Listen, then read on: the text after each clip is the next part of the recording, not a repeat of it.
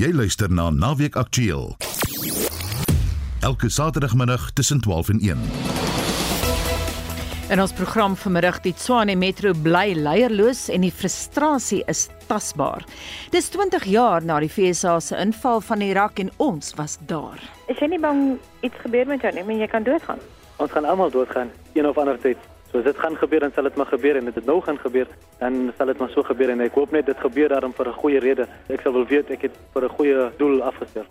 En 'n dreigende massa van 8000 km lank is op pad Amerika toe. Natuur is stabiel binne perke, maar as jy dit verby 'n punt van herstel van dryf, dan is dit uh, problematies. Ek hoop nie dit gebeur nie, glo my, ek hoop nie dit gebeur nie. Die span in die ateljee vanmiddag, redakteur Marlenae Forsie, ons produksieregisseur Daitron Godfrey en ek is Anita Visser. Naweek Aktueel, jou naweek nuusprogram op RSG.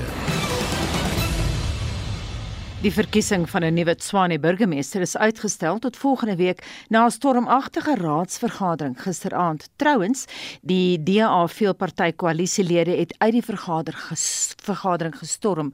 Nou vir meer daaroor praat ons nou met Corneille Mulder, voorsitter van die veelparty koalisie in die Tshwane Metro. Goeiemiddag. Goeiemôre. Corneille, die drama is onder meer veroorsaak deur die beëindiging van twee Action SA lede se lidmaatskap. Baie kortliks skets vir ons die agtergrond.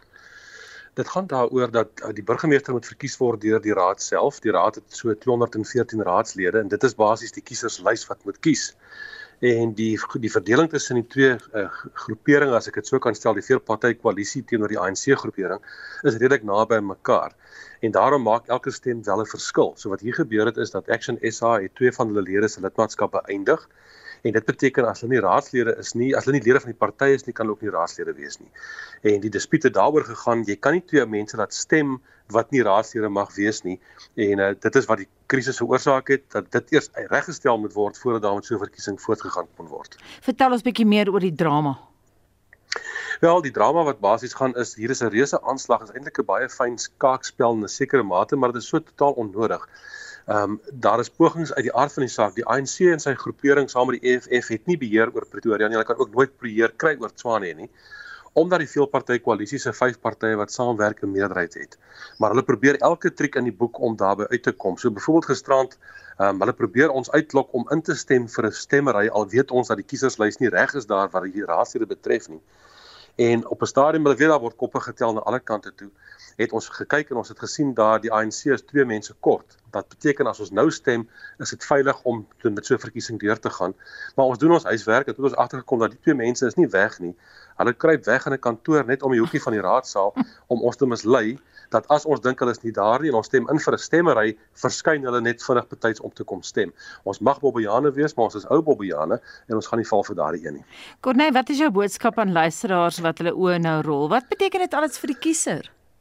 Dit beteken vir die kiezer dat asseblief hulle moet net verstaan en vasbyt was saam met ons. Dit is absoluut ons is verbind om om goeie regering te bring, korrupsievrye regering te bring in Suid-Afrika. Ek ervaar hierdie as stuiptrekkings van die ANC se laaste pogings om aan mag in Suid-Afrika vas te klou en daarom probeer hulle elke geleentheid om hierdie goeters te ontwrig. Ons sal hier deurkom. Die feit is dat koalisies is hier om te bly en dit is 'n goeie stelsel van regering. Koalisie beteken een party kan nie alleen besluite neem namens almal nie. Jy moet met mekaar saamwerk, jy moet kompromieë vind. Ons sal daar deurkom. Ons gaan deurkom in Swane. Ek is oortuig daarvan ons sal Woensdag 'n burgemeester verkies kry. Daarna sal ons te kan begin om die goed op die regte manier te doen en dit gaan oorloop na volgende jaar se groot verkiesing toe ook. Nou moet ek jou vra en kortliks as jy kan antwoord, is Suid-Afrikaners volwasse genoeg vir hierdie soort van regering? Dis 'n nuwe, dis 'n nuwe soort van regering. Ons is gewoond aan 'n sterk een party wat regeer. Nasionale Party het vir baie baie jare alleen geregeer. Die ANC het nou vir 30 jaar alleen geregeer. Ons dink dit is hoe dit moet werk. Dit is nie die antwoord nie. Die moderne manier is koalisies wat jy geforseer word om saam te werk om kompromieë te tref. En ons kiesers gaan ook beter verstaan hoe hierdie proses werk. Wat hulle wel moet doen is die mag is in die hande van die kiezer om te stem vir partye wat hy vertrou wat 'n koalisie kan vorm. Met ander woorde, ek stem saam. Hierdie veelheid van partytjies wat een een een setel het, help ons nie Maar dit gaan ook nie help om net tussen twee partye te stem nie want ons kiesstelsel laat dit nie toe nie. Dit is 'n veelparty uh, proporsionele stelsel. Ek sê daar gaan 5, 6, 7 groot sterker partye wees bestaandes vir wie jy kan stem wat 'n koalisie kan vorm en ek is oortuig daarvan dat die dat dit die beste na vore gaan bring Suid-Afrika wat my betref ten spyte van hoe donker dit lyk is eintlik op die daarraad van 'n nuwe begin wat volgende jaar kan gebeur. Baie goed om iets positiefs te hoor. Dankie dit dan Corneil Mulderhuis, voorsitter van die veelparty koalisie in Tshwane Metro. Die gesondheidsorgombudsman Maligapuro Magoba sê Gauteng se staatshospitale ervaar 'n ernstige leierskapkrisis. Die stelling volg op sy verslag oor die Rahima Musa Moeder en Kind Hospitaal waarin hy aanbeveel het dat die bestuurshoof Nozuko Mkabayi onmiddellik vervang moet word.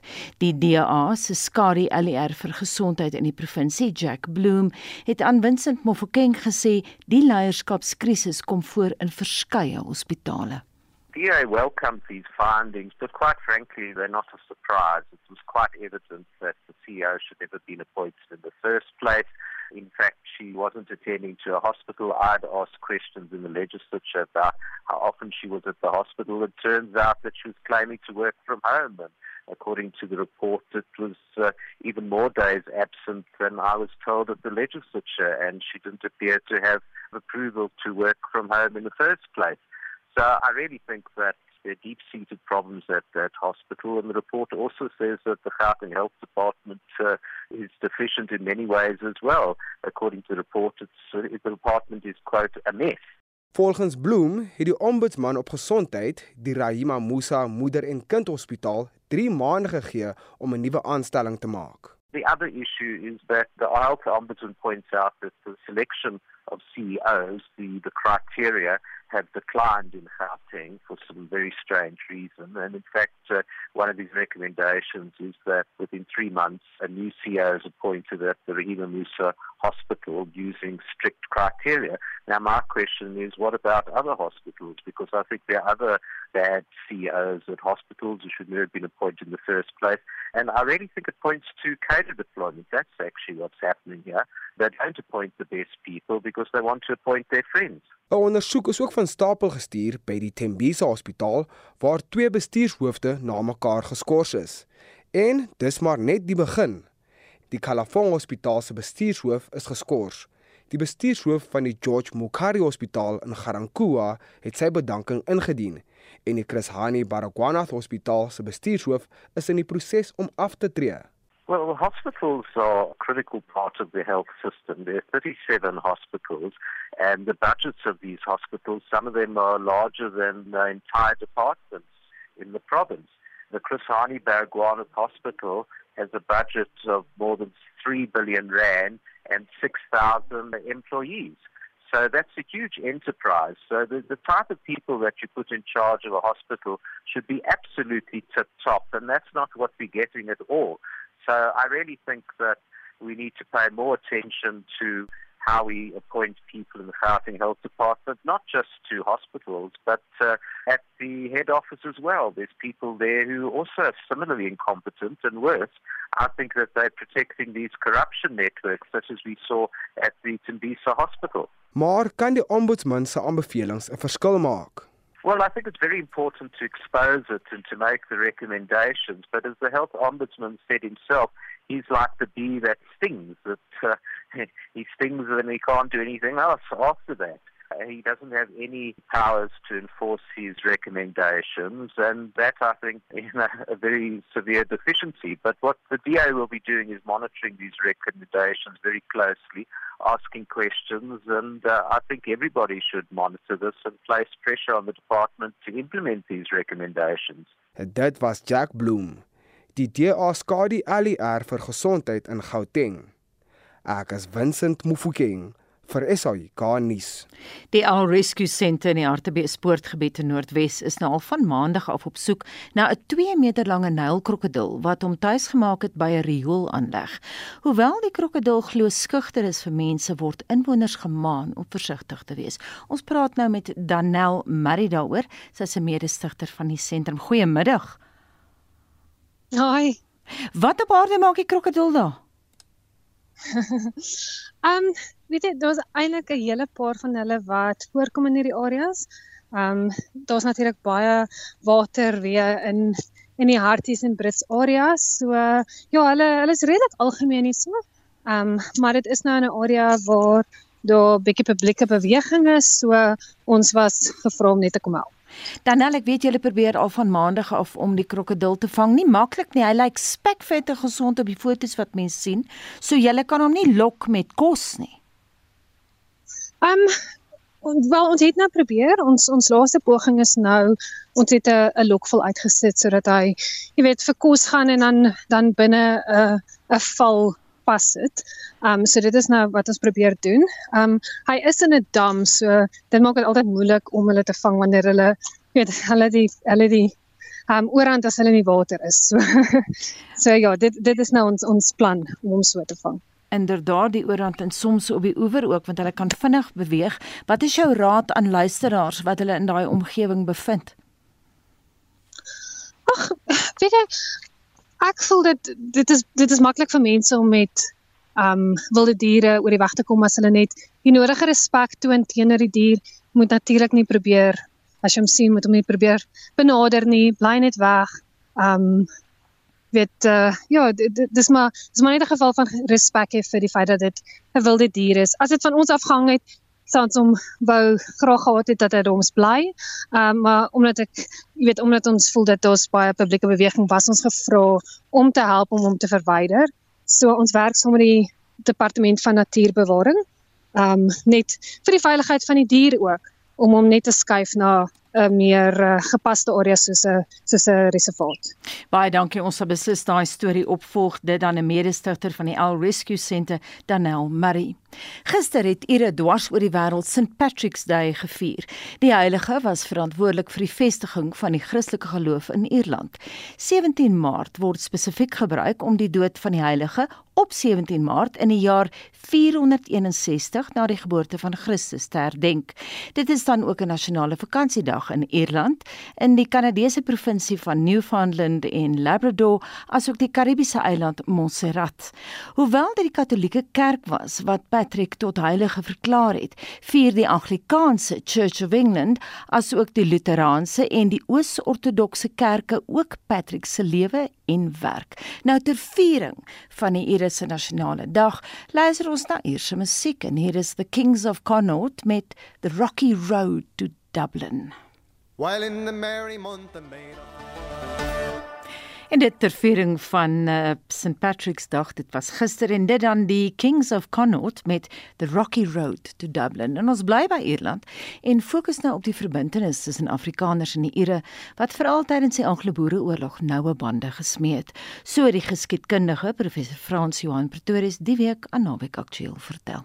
Die Afrikaners, die boere en die Ure het 'n lang geskiedenis saam en vir altyd in die Anglo-Boereoorlog was daar 'n hartlike verhouding gewees want soos die boere was die Ure baie van hulle was anti-Brits en daarom pro-boer en toe die oorlog nou dreig in 1899 het die Ierse mynwerkers aan die rand het hulle 'n Ierse brigade gestig om saam met die boere te veg en hulle leier was kolonel Blyk gewees.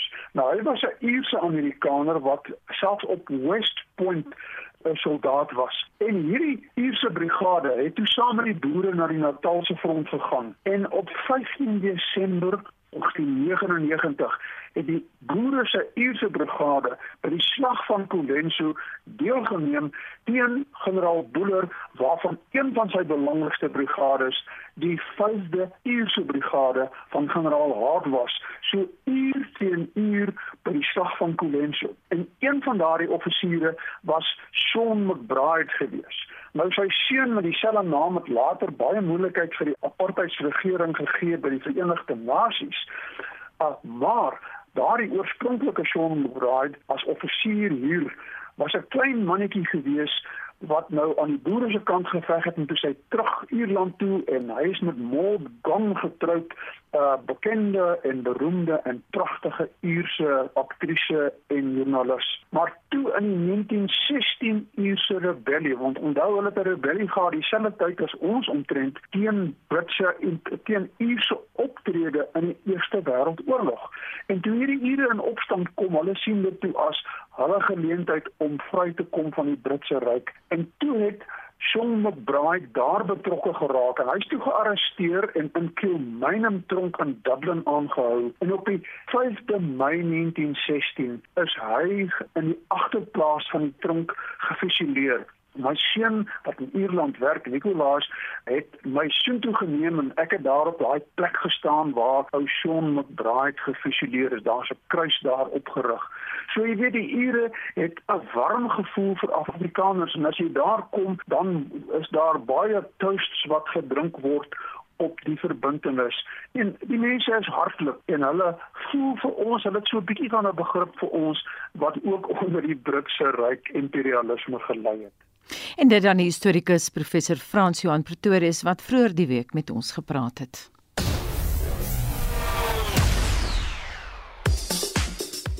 En hier is Christo Gawe met die dag se sportnuus. Goeiemiddag. Daar's heelwat krieket om vandag te geniet. Die eerste eendag internasionale kragmeting tussen Bangladesh en Ierland is vandag aan die gang waar Ierland besluit het om eerste veldwerk te doen. Bangladesh, die is eerste vir die paaltjies vandag om 1 vanmiddag vind die tweede eendag internasionale kragmeting tussen die Proteas en die Wes-Indiese eilande plaas nadat spel donderdag afgelas is as gevolg van reën.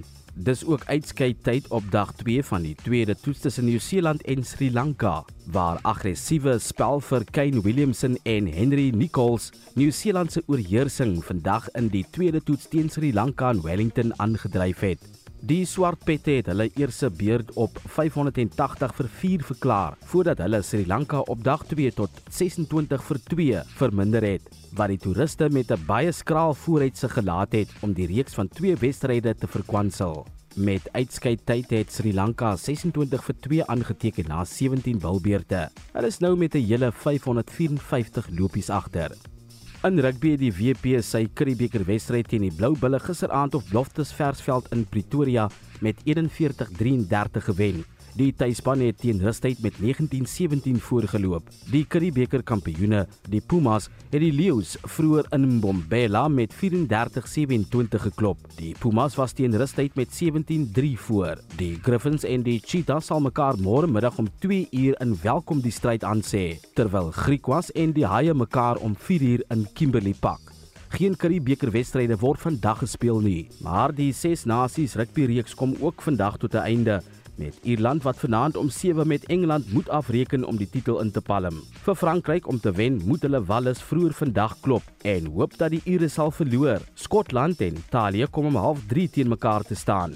Twee van die sterk spanne in die reeks, Ierland en Skotland, die is later vanjaar deel van die Springbokke se groep by die Wêreldbeker toernooi in Frankryk.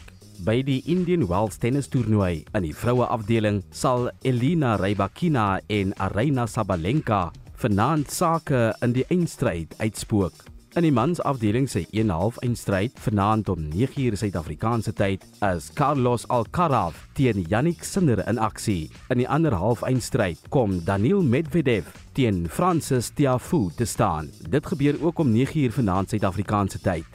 In sokker in die Afrika beker kampioeneliga is Mamelodi Sundowns vanmiddag om 3 teen Al Ahly in aksie. In DStv Premierliga aksie om 04:30 vanmiddag is Sekhukhune United en Chippa United slaags met mekaar. Castrick Stars kom ook teen Black Leopards om 04:30 te staan. In die Engelse Premier Liga vanmiddag om 5 is Tottenham Hotspur en Southampton slaags met mekaar. Leicester City en Brentford spook ook sake teen mekaar uit om 5 namiddag, terwyl die kragmeting tussen Liverpool en Fulham uitgestel is. En dit was Christo Gawie met die naweek se sportnuus. Naweek Aktueel, jou naweek nuusprogram op RSG.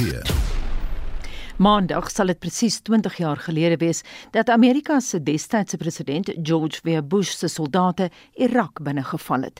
20 Maart 2003 was dit donderdag en ek het vroeër daardie selfde dag 'n vlug Jordanië toe gehaal tesame met 34 Suid-Afrikaanse betogers wat hulle self as menslike skulde beskryf het. Hulle leier, AB Dawji, wou in Bagdad gaan protes aanteken teen die Amerikaanse inval wat deur die destydse VN-sekretaris-generaal Kofi Annan as onwettig beskryf is. Die eerste week van die oorlog het reeds probleme gelewer vir die groep Suid-Afrikaanse aktiviste weens die feit dat baie lugrederye hulle vlugte na Bagdad opgeskort het. Die groep se ander opsie was 'n gevaarliker een om die sowat 800 km na Bagdad per bus aan te durf. Dit egter nie sonder 'n waarskuwing van die groep se leier, AB Daljini. There's one point I want to emphasize to everyone is that you must not feel afraid to stay behind because of the fear you have about going into Iraq. It is a war zone, it's extremely dangerous. You could lose your life, you could be injured, you could suffer great deal of deprivation in that there could be food shortages, you may not get water also, and you may be stuck there for a while and not knowing when you could be evacuated. It's very important for you to consider this very carefully, and if you back out now, nobody will think the lesser of you. We understand completely and do not feel the pressure of the group that they are all enthusiastic about going and that people may think that you're a coward. You can come and tell me very quietly that you don't want to go and uh, we will have another program worked out for you here in uh, Amman where you can do humanitarian work. Dit was in gistermiddag duidelik dat sekere lede van die menslike skuldegroep bedenkinge begin kry oor die gevaar van hulle sending om burgerlike instansies in Irak te gaan beskerm met die groep se aankoms gisteroggend om 6:00 in Kaïro was die moreel beslis anders soos wat die 30-jarige vryskut joernalis Mohammed Khan verduidelik het. Dit was 'n uh, laaste minuut besluit. Uh, ek het gevoel is dis iets waarom ek regtig wil deelneem. Die belangrikste ding is dat die hele affære te doen het met 'n human rights issue en dis die rede waarom ek gaan. Ek is regtig waar opgewonde. Ek kan nie wag om die mense van Irak te ontmoet nie en om 'n paar dae met hulle deur te bring nie, net om die, die, die expression op die kinders se gevoelens te sien. Help. So jy doen hierdie vir die Irakiese mense, nie vir Saddam nie. Nee, glad nie. Nie vir Saddam nie, net vir die mense van Irak. Maar is jy nie bang iets gebeur met jou nie? Men jy kan doodgaan. Ons gaan almal doodgaan, een of ander tyd. So as dit gaan gebeur, dan sal dit maar gebeur en dit nou gaan gebeur, dan sal dit maar so gebeur en ek hoop net dit gebeur daarom vir 'n goeie rede. Ek sal wel weet ek het vir 'n goeie doel afgestel. 'n Gevoel wat gedeel is deur die 45-jarige Mohammed Suliman. My heart just said that I must go and I decided to go. And now Mohammed you're actually here. You're in Amman, you're on your way to Baghdad. How do you feel? I feel great out here. I'm just excited now to get into Baghdad. And you've just, of course, received your visa now for Jordan as well. And Baghdad is still unsure, Mohammed. Depends on the war. If the war has started, then we will know whether we can go or not go. Aren't you scared? No, no, not at all. Why should I be scared? I'm going there to sacrifice my life. Not a problem. Sommige voornemende mense skulde moes ook tuis bly vanweë die druk wat gesinslede op hulle geplaas het. Die voorsitter van die Iraq Action Committee, AB Dalji. We were expecting to arrive in Amman with 40 people, but eventually uh, only 32 of us left, and two are already in uh, Baghdad. The reason why the handful of people stayed behind was because of enormous pressure from their families. People who were left behind were young people, and family members phoned me and spoke to me and said that I should dissuade them from going. Teen die tyd dat die storie deurgebel is, sou die groep 6uur gisteraand vertrek het na die Irakese grens toe. Ek is Anita Visser vir Monitor in Amman. Ek het Dalji die week na twee dekades weer opgespoor en hom gepols oor sy gevoelens nou oor die protesaksie van 2003. Vir die aktivis is die kruks van die saak die Geneefse konvensie wat bepaal dat burgerlikes nooit geteken mag word nie. When George Bush Jr began beating the war drums over a period of 6 months in 2002 onwards that he was going to attack Iraq because of weapons of mass destruction. People from all over the world, Australia, India, Africa, Europe, even America and other countries decided that they would go to Iraq and position themselves at the civilian sites, the dams and electricity power stations and so on. And they would in effect shield them against the bombs. And how would they do that? Well, if a bomb fell at a site and people were injured or killed, then this would be clear evidence that a war crime was committed. And faxes were sent daily to the governments of George Bush and Tony Blair, giving them the names and citizenships of the people at each site. The mission of Human Shield had absolutely nothing to do with supporting or protecting Saddam Hussein's regime.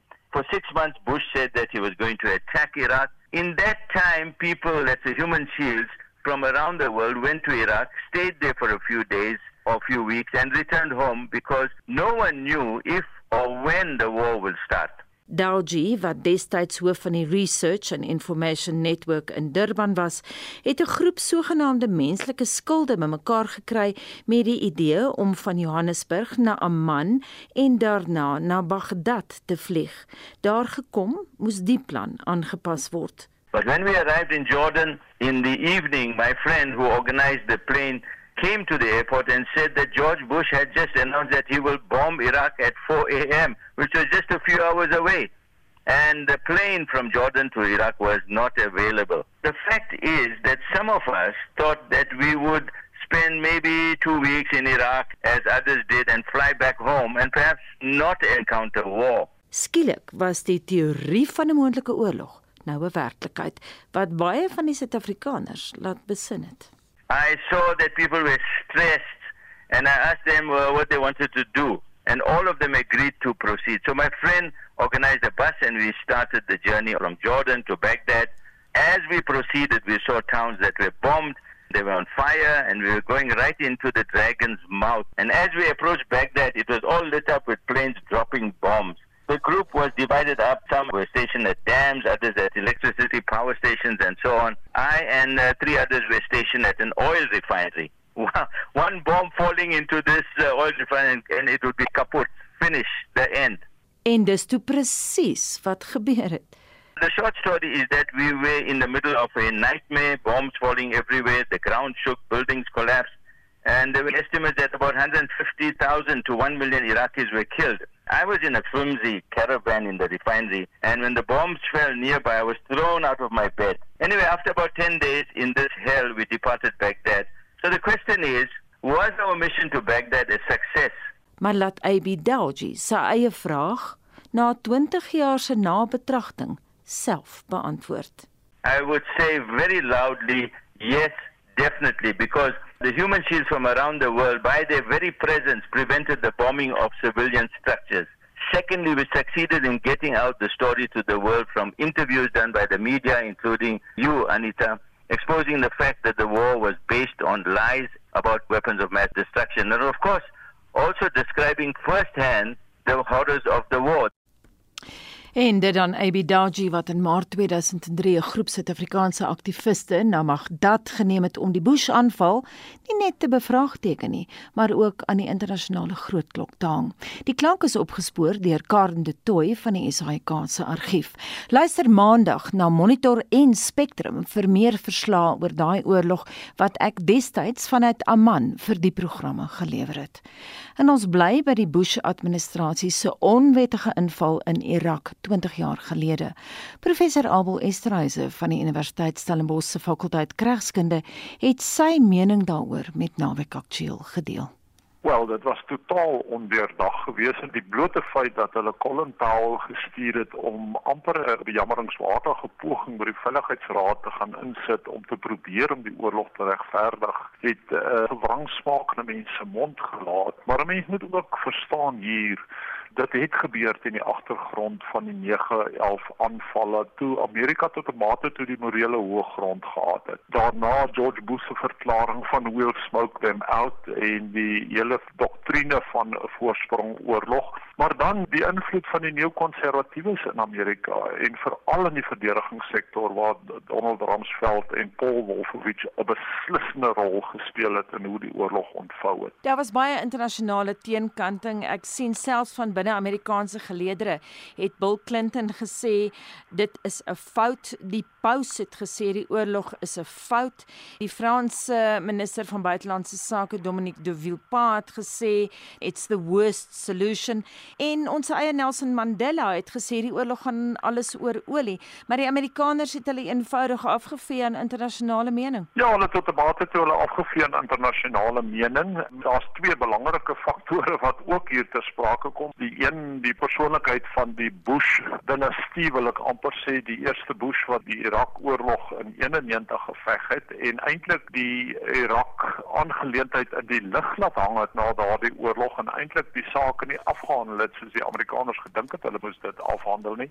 Die ander deel was dat daar binne die Amerikaanse birokrasie en veral in die militêre birokrasie geweldige teenkanting teen die oorlog was. Generaal Erickson Secchi wat toe die Amerikaanse leerstaf hoof was, is eintlik tot uh, bedanking gedwing deur die oorlog omdat hy totaal en al verskil het met Ramsveld en Wolfowitz oor die oorlog en hoe hulle die oorlog beplan het. So daar was geweldig teenkanting van binne en buite die FSA. Ek wil terugkom nou mense op voedselvlak gevoel het. Ek was in Amman tydens die oorlog en ek het baie akademici en ook joernaliste gepraat, vooraanstaande mense en hulle was dit almal eens dat die oorlog nie 'n blitzkrieg sou wees nie. Dis spesifiek die woorde wat president George Bush gebruik het. Hy het gesê dit sal tussen 3 en 6 maande duur.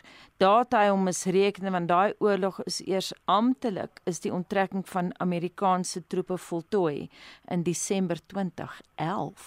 Ja, ek moet dit definitief voor die voete lê van Donald Rumsfeld Anita. Hierdie oorlog is beplan teen die agtergrond van die Amerikaners wat toe reeds met 'n veldtog in Afghanistan besig was. In die eerste deel van die Afghanistan veldtog het eintlik op 'n baie interessante manier ontvou met 'n klein groepie spesiale magte soldate wat met die teeninsurgente beweging saamgewerk het in Afghanistan tesame met Amerikaanse lugkrag. So hulle het eintlik baie sukses gehad in Afghanistan in die eerste deel van daardie veldtog. Dit het by Ramsveld en Wolfowitz die idee geskep dat hulle min of meer dieselfde kan doen in Irak. Die ander deel daarvan is dat hulle totaal en al nagelaat het om te beplan vir die naoorlogse militêre besetting van Irak. Dis amper daardie ou storieetjie van die hond wat die motor vang. Kom ons luister gou na 'n klankgreep wat ek destyds vanuit Amman na die monitor ateljee gestuur het. Koning Abdullah het in 'n vergadering met senators by sy amptwoning in Amman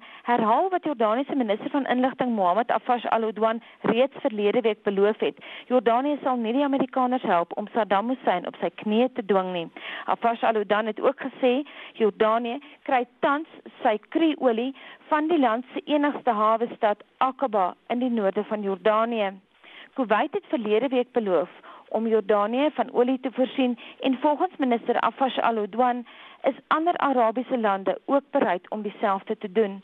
Tans kry Jordanië daagliks 10000 ton olie van die stad Aqaba. Abel, is jy verbaas oor die feit dat Jordanië om nie geskaar het aan die kant van die Amerikaners nie? Nee, glad nie. Op die stadium was daar groot gerugte dat Amerikaners Turkse grondgebied gaan gebruik om ook uit die noorde uit Irak in te val. En uiteindelik kon hulle dit nie doen nie want die Turke het dit nie toegelaat nie. So Jordanië was maar een van die lande wat doeteenvoudig nie ingekoop het op die Amerikaanse operasie in Irak nie. Net een laaste vraag. Wat is die belangrikste les wat ons uit die Irak inval leer? Wel, ek dink dis dieselfde les wat ons nou in Oekraïne leer waar Rusland Rusland ook sonder rede Oekraïne ingeval het en die ou beginsel van jus ad bellum die internasionale regsbeginsel van regverdige oorlog is maar 'n belangrike riglyn hier die Amerikaners het dood eenvoudig op onwettige wyse Irak ingeval en hulle het 'n prys daarvoor betaal. En dit dan die mening van professor Abel Esterhuise van die Universiteit Stellenbosch se fakulteit Kragskunde. Die Amerikaners se 2003 inval in Irak het die lewens van 'n geskatte 150 000 tot meer as 'n miljoen Irakese gekos. 100 000 van hulle was burgerlikes. En nou sportnuus, Suid-Afrika teen die Wes-Indiese eilande in Oos-London. Dis die tweede eendag wedstryd nadat Donderdag se wedstryd uitgereën het en Johan Tormalen het vir ons meer Johan. Ja, goeiemôre. Dis dan probeerslag nommer 2 Anita in Oos-London nadat Donderdag se wedstryd hopeloos te veel reën gesien het en uh, niks uh, plaasgevind het op die veld nie, maar die goeie nuus vanuit Oos-London op Buffalo Park is dat die lood wel gedoen is vir die wedstryd. Die weer lyk beter en dit lyk of ons wel spel gaan sien na Donderdag se teleurstelling. En Suid-Afrika, daar sal 'n paar nuwelinge wel hulle buigings maak. Ehm um, die JP Dumini, die Protea se kolf afrigter het vroeër gister gesê dat hulle gaan hou by die plan en die plan was om donderdag 'n paar Suid-Afrikaners 'n uh, kans te gee dat hulle die eerste keer vir Suid-Afrika eendag cricket kan speel en hulle is almal in die span, vier nuwelinge. Dit is nou Ryan Rickelton wat reeds vir Suid-Afrika toets cricket gespeel het, Tony De Zorzi wat onlangs sy toetsbuiging gemaak het, Tristan Stubbs wat bekend is as 'n T20 speler vir Suid-Afrika en ook Gerald Coetzee, die jong bowler wat onlangs goed gevaar het teen die Wes-Indiese eilande. Maar dis die tweede eendagwedstryd tussen hierdie twee spanne nadat die eerste een dan nou nie plaasgevind het nie en die derde ene sal Dinsdag in Potchefstroom gespeel word. Dis ook 'n nuwe era vir Suid-Afrika wat witbal cricket betref want Rob Walter is die eerste keer aan die stuur as die breier van Suid-Afrika se eendag NT20 span. So hierdie vier nuwe spelers, hulle is almal in die span en kom ons loer vinnig nou hoe Suid-Afrika se span lyk vir hierdie tweede eendag wedstryd. Dis Quentin de Kok, Themba Bavuma die kaptein, Ryan Rickelton, hy sal inkom op nommer 3, Tony De Zorzi op nommer 4, Rassie van der Dussen en Tristan Stubbs en dan Marco Jansen, die kry ook speelkans nadat hy aanvanklik eers vir die derde eendagwedstryd beskikbaar sou wees, maar Suid-Afrika het 'n paar beserings gehad in aanloop tot hierdie wedstryde en daarom het Marco Jansen toe ook in die span ingekom. Bjorn Fortuin, die draaibal bowler, Gerald Kutse, Lungi Ngidi en Tabrys Shamsi. Dit is Suid-Afrika se span ook twee let wel twee draaibal bowlers wat gekies is, dis Bjorn Fortuin en Tabrys Shamsi. Albei van hulle sal speelkans kry. Ons weet die Golfblad in Oos-London, die is ook gewoonlik gunstig vir die draaiers. Wat die lood betref, die Wes-Indiese eilande, hulle het die lood gewen en het besluit om eers te kolf in hierdie uh 50 bal 50 balbeurte. Met ander woorde, die Wes-Indiese eilande wat eers sal kolf, ook net nuus uit 'n beseringsfront vir Suid-Afrika. Ons weet Suid-Afrika het 'n paar beserings gehad in aanloop tot hierdie hierdie reeks van die eendag reeks Keshav Maharaj is uit, Wian Mulder, hulle is almal beseer. Riza Hendriks, die het ook gister sy vinger seer gemaak en kan nou nie oorweeg word vir hierdie wedstryd nie. Maar die goeie nuus vanuit Oos-London is dat ons wel 'n spel sal sien van op Buffalo Park en die era van Rob Walter en dan ook hierdie klomp nuwelinge wat vandag kans kry, dit gaan uiteindelik aanbreek. Kom ons hoop die reën bly heeltemal weg. Dit is steeds bewolk in Oos-London en maar ons glo en hoop dat ons wel 'n wedstryd sal sien. Hoopelik word hy nie verkort nie en dan kan ons 'n uitslag hê in hierdie tweede eendagwedstryd. Maar daarmee eers terug na die ateljee in Johannesburg. Baie dankie dit aan Johan Tormalen van RSG Sport. En ons weeklikse motorrubriek neem Wesop Pretoria se 'n dubbelkajuit bakkie onderhande.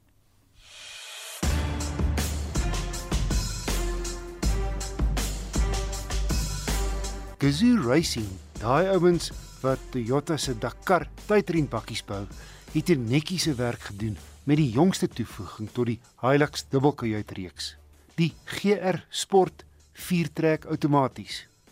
'n Aggressiewe swart sierrooster, vertikale swart liginlate voor, frisser swart wielbo en 'n swart rolstaaf agter.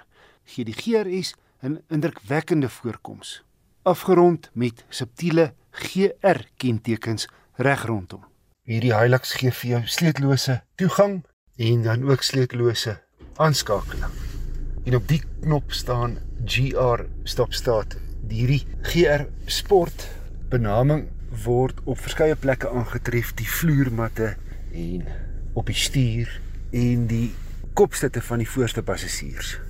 Behalwe drie kameras, het hy ook drie sensors en ook sensors voor wat baie help as jy so 'n lang voertuig moet uh, parkeer. Jy kan tot 'n groot mate net op jou gehoor werk.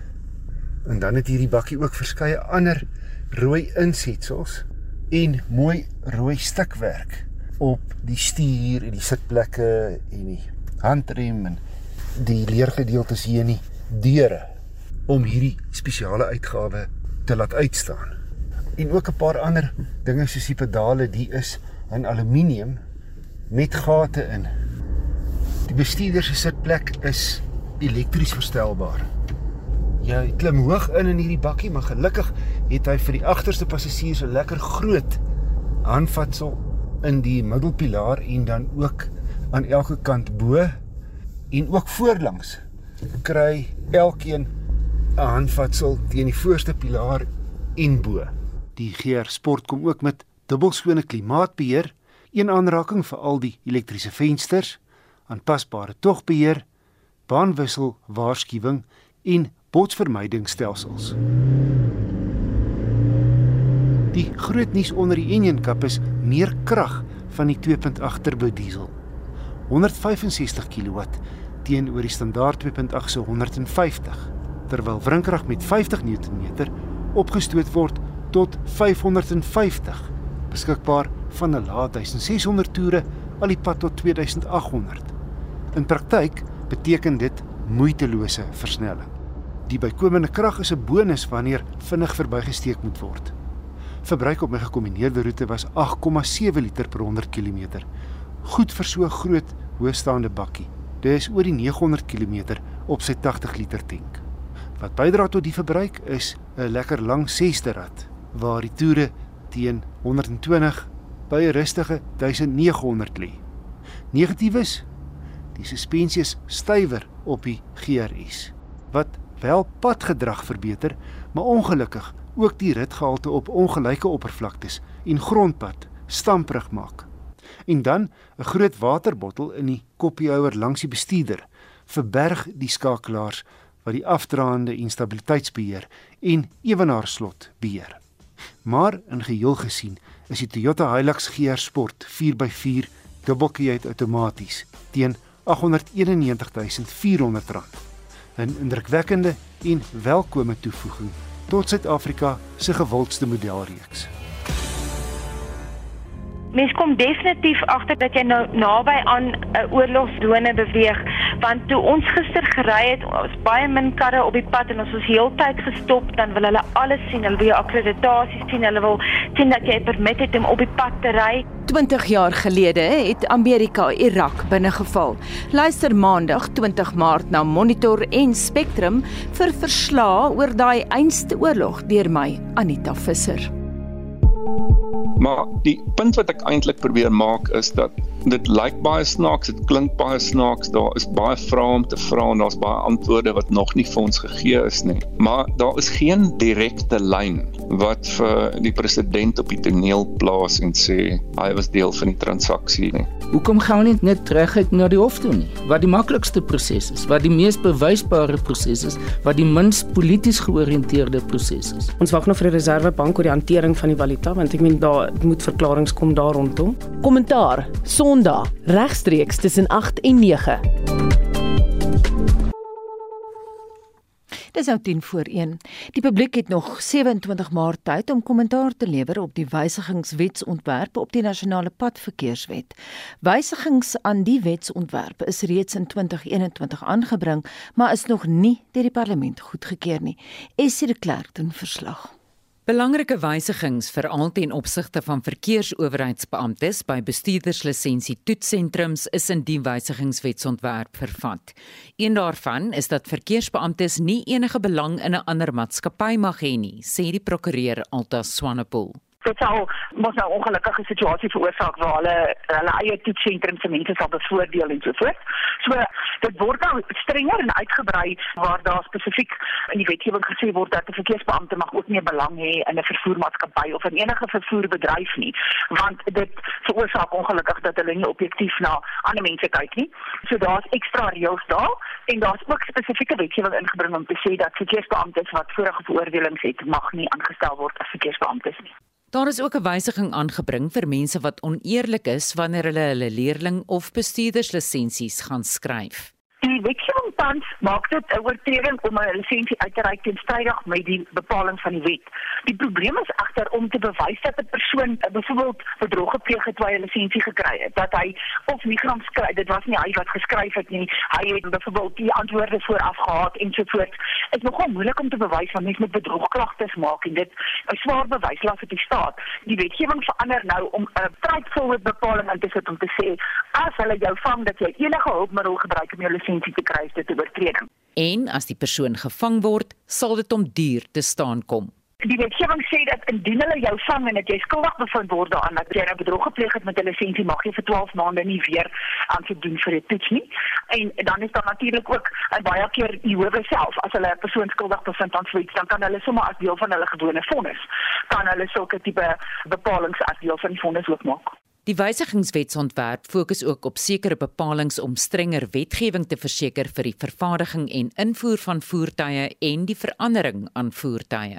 Daar word nou streng voorsiening gemaak die inspektorate wat verantwoordelik is vir hierdie organisasies word ekstra magte gegee. Nommerplaatvervaardiging is nou deel van hierdie groep industrie wat beheer word en waar hulle ekstra reëls inbring vir die kontrole oor hoe die voertuig gemaak word, wie hom mag verander, wat die proses moet wees om dit te doen. Die definisie van 'n motorvoertuig word ook in die wysigingswetsontwerp aangeraak en elektroniese fietsse sal ook nou hierby ingesluit word, sê Swanepoel. Suid-Afrika het soos die meeste lande in die wêreld 'n uh, omskrywing wat sê 'n motorvoertuig is enige iets wat aangedryf word deur een of ander vorm van 'n engine en selfs ietsie soos 'n help my trapfiets word ook as 'n motorvoertuig beskou.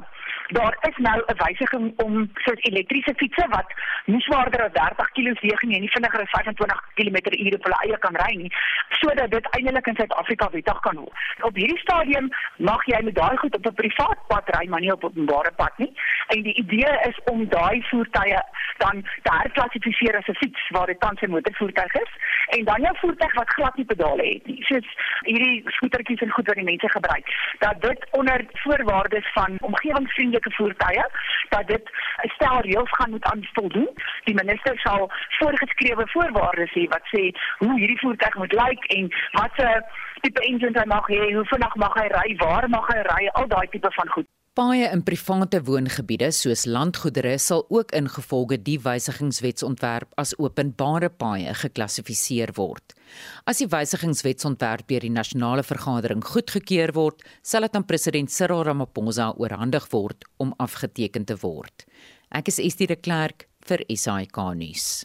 En nou 'n heel interessante storie. 'n Reuse strook drywende seewier is op pad na die Amerikaanse ooskus. Dit is sowat 8000 km lank of twee keer die deursnit van die VSA. Maar waar kom dit vandaan? En wat gebeur wanneer dit die kuslyn tref? Marlenae Forsie die bydra saamgestel. A massive seaweed blob that's so large it's visible from space is heading towards Florida's Gulf Coast. This is a totally new oceanographic phenomenon. If you've been to the beach anytime in the last oh, do- two annoying, decades, yeah. you know it's getting worse. It's so large. Get this, you can actually see it from space. There's about a 50 50 chance that a 5,000 mile wide seaweed bloom could cover this entire coast come June. Sargassum blooms are nothing new, but scientists say this one could be the largest in history and could also be a threat to our coastline. Hierdie is 'n natuurlike voorkoms en dit bloei ook gereeld seisoonaal. Die strook wat ons tans het is 8000 km lank. Ek het se vinnig op Google Earth gaan kyk en dis 'n strook ongeveer van Kaapstad na Griekeland toe. En ek het nou net gesien op die internet van 'n satellietfoto, die strook strek vanaf Sierra Leone tot reg alreeds in die middel van die Golf van Mexico. Dis 'n enorme lang strook. So sê 'n professor aan die Noordwes Universiteit se departement van dierkunde Henk Bouman. Die seewier sarkassum staan ook bekend as bruinwier en is vry drywend. Hulle dryf as gevolg van blaasies wat hulle het en dit is hoofsaaklik gevul met suurstof wat hulle natuurlik deur fotosintese ontwikkel. En omdat dit natuurlik is, bied dit ook habitat vir inskuiling en kos vir baie ander organismes soos visse en seeskilpaaie, seevoëls, krappe. Daar selfs spesies visse wat aangepas is net vir hierdie sargassum blob, as jy dit nou so wil noem wat in die Atlantiese Oseaan voorkom. As dit doodgaan, sink dit na die bodem van die oseaan en wat ook weer deel is van die ekosisteem. Die probleem is egter wanneer die wier by die ton op strande uitspoel. Ek het self ook al van hierdie goed gesien. Dit is geweldig onaangenaam om die goed te ruik. Dit ruik soos vrot eiers, daar's ook ammonia daarin. Hierdie seewier is ook ryk in arseen. Dit bedek koraal. As dit vrot, dan trek dit suurstof uit die water uit. Dit verander die pH. En dit belemmer natuurlik toerisme. Niemand wil daar gaan op die strand lê met al hierdie goed nie. Dit belemmer visserye, skeepsvaart. Dit het met ander woorde 'n groot sosio-ekonomiese impakte. Barbados byvoorbeeld ry op 1600 vragte seewier per dag weg. Nou weet nie waarheen dit vat nie, want dit op sigself is dit daar iets 'n probleem. Wat doen jy daarmee? Dis onduidelik hoekom die wier juis van jaar so aggressief groei en daar word nog nie veel navorsing gedoen oor die verskynsel nie. Wat ons wel weet, is dat die seewier van die Sahara woestyn afhanklik is hierdie dryf vanaf Afrika en die die natuurlike opbloei daarvan word onder andere gedryf deur stof vanaf die Sahara wat uh, fosfate en yster neer lê en dit is uh, nutriënte vir die alge wat hulle opgroei en dit uiteindelik eindig dit op in die kus aan die ooskus van Noord- en Suid-Amerika. Hoewel daar verskeie opsies oorweeg is om dit te verminder, is dit nie noodwendig haalbaar nie omdat die verwyderingsproses juis kan help om sade te versprei. Intussen hou die wêreld asem op om te sien wat gaan gebeur wanneer die massa die kus tref. Die stelsel op die kuste en selfs op die seevloer is aangepas om hierdie goed te kan ontvang en te verwerk. Maar nou gaan ons 'n groot blob hiervan kry en dit mag dalk net te oorweldigend wees. Natuur is stabiel binne perke. Nou as jy daai perke oorskry, dan begin jy probleme kry.